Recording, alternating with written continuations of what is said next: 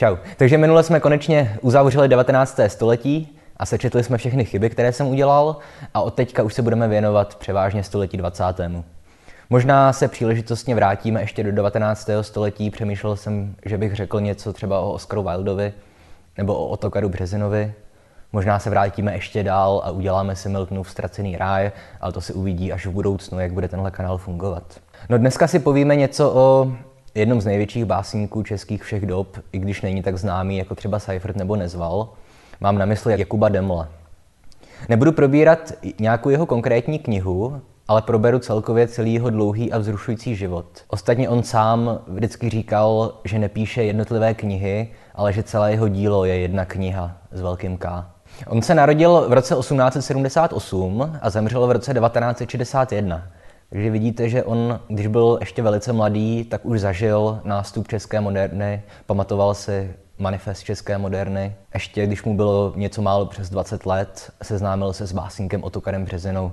Ten vztah ho poznamenal na celý život, oni byli velmi dobří přátelé. A jak zjistíte za pár minut, tak později kvůli Březinovi skončil Deml na okraji společnosti ale k tomu se velice rychle dostaneme.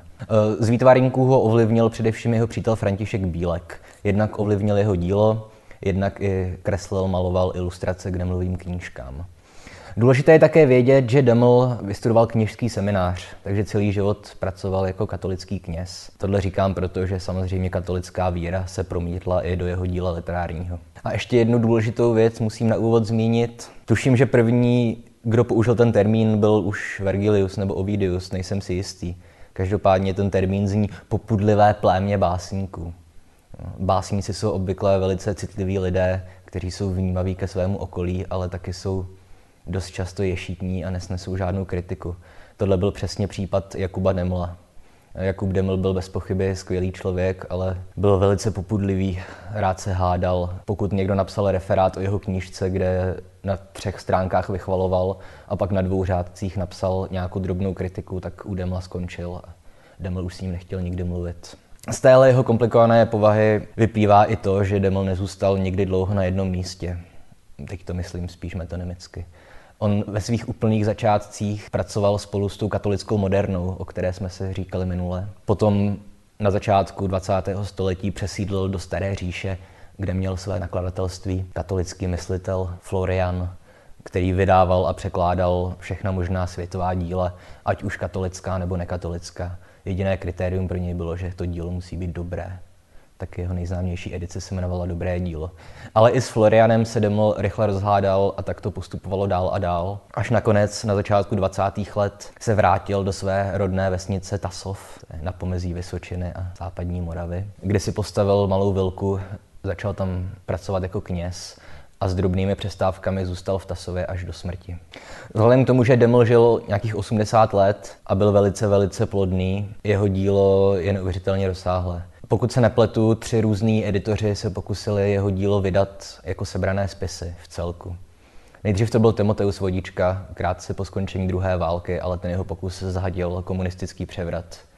A ostatně Vodičkův ediční plán nebyl moc dobrý, protože Vodička byl moralista a tak vyřadil z Demlova díla některé knížky, které podle něj byly amorální. No za komunistů samozřejmě Demlovo dílo vycházet nemohlo. Nepočítám-li to krátké uvolnění v letech 68-69. Ale potom začal fungovat tzv. samizdat, o tom si taky budeme brzo povědat, řekněme v ilegálním vydávání. Obvykle se jednalo o strojopisy. A v samizdatu editor a nakladatel a kritik Bedřich Fučík vydal téměř kompletní Demlovo dílo. Ovšem byl to samizdat, takže těch výtisků se zachovalo jenom málo a dneska je prakticky nemožné se k ním dostat. No a v současné době se pokouší vydat Demlovy sebrané spisy vám možná známý profesor Martin C. Putna. On je známý především tou svou nešťastnou aférou, kdy mu prezident Zeman odmítnul udělit profesuru, ale kromě toho je to taky vynikající literární vědec. Putna zatím vydal tuším pět nebo šest svazků demlových spisů a zdá se, že je to na dobré cestě. A teďka nenadsazuju, ale že třeba za 20 let budeme mít k dispozici kompletní Demlovo dílo. No a teď už k samotnému obsahu Demlových knih. Deml to měl vždycky těžké s literární kritikou, protože literární kritika si s ním nevěděla rady. On Deml nejde nikam zařadit. Někdo říká, že Deml je expresionista, někdo si zkrátka vystačí s tím, že je to katolický spisovatel, ale to ani z jedné desetiny nevystihuje celkový charakter Demlova díla. To jeho dílo je komplexní, využívá všechny žánry, překládá, píše různé básně v próze, poezii, čistou prózu, memoáry, skoro cokoliv. Co se týče témat demlových děl, i tam se to velice mění. Především v desátých letech 20. století, tam to bylo skoro pravidlo. V roce 1912 vydal Deml sbírku Hrad smrti. Už název napovídá, že tématem Hradu smrti je především smrt, úzkost, strach, odpor k městu. To je velice temná sbírka. Ale zároveň i tady si Deml udržuje ten svůj slavný smysl pro humor. Taky zajímavé je z dnešního pohledu to, že Hrad smrti je napsaný svého druhu formou parodie. Protože v úvodní kapitole Deml předstírá, že on nalezl ten spis a je to nějaký literární vědec nebo nakladatel, který s tím spisem pracuje. A v tom samotném textu Hradu smrti on tam potom dává nějaké takové ty poznámky do závorky, kde třeba se snaží jakoby předstírat, že on je literární vědec, který si to dílo nějak vykládá.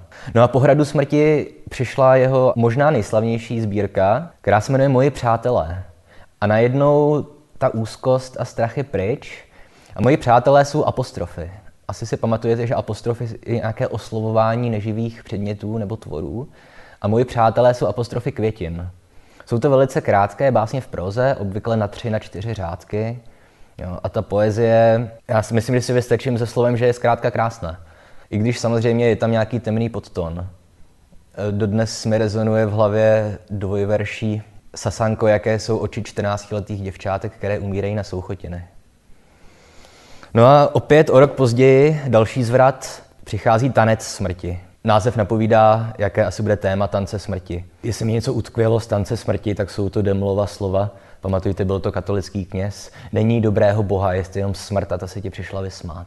A takhle to v Demlově díle pokračuje dál a dál. Dva roky potom vydal Miriam, sbírku milostných lirických básní nebo písní. Takže teď jsme se dostali teprve zhruba do poloviny Demlova života a čas nám pomalu tiká, už tamhle vidím, že přetékáme do basketbalu. Takže dneska tady tohle video ukončíme a za týden se vrátíme do druhé poloviny Demlova života.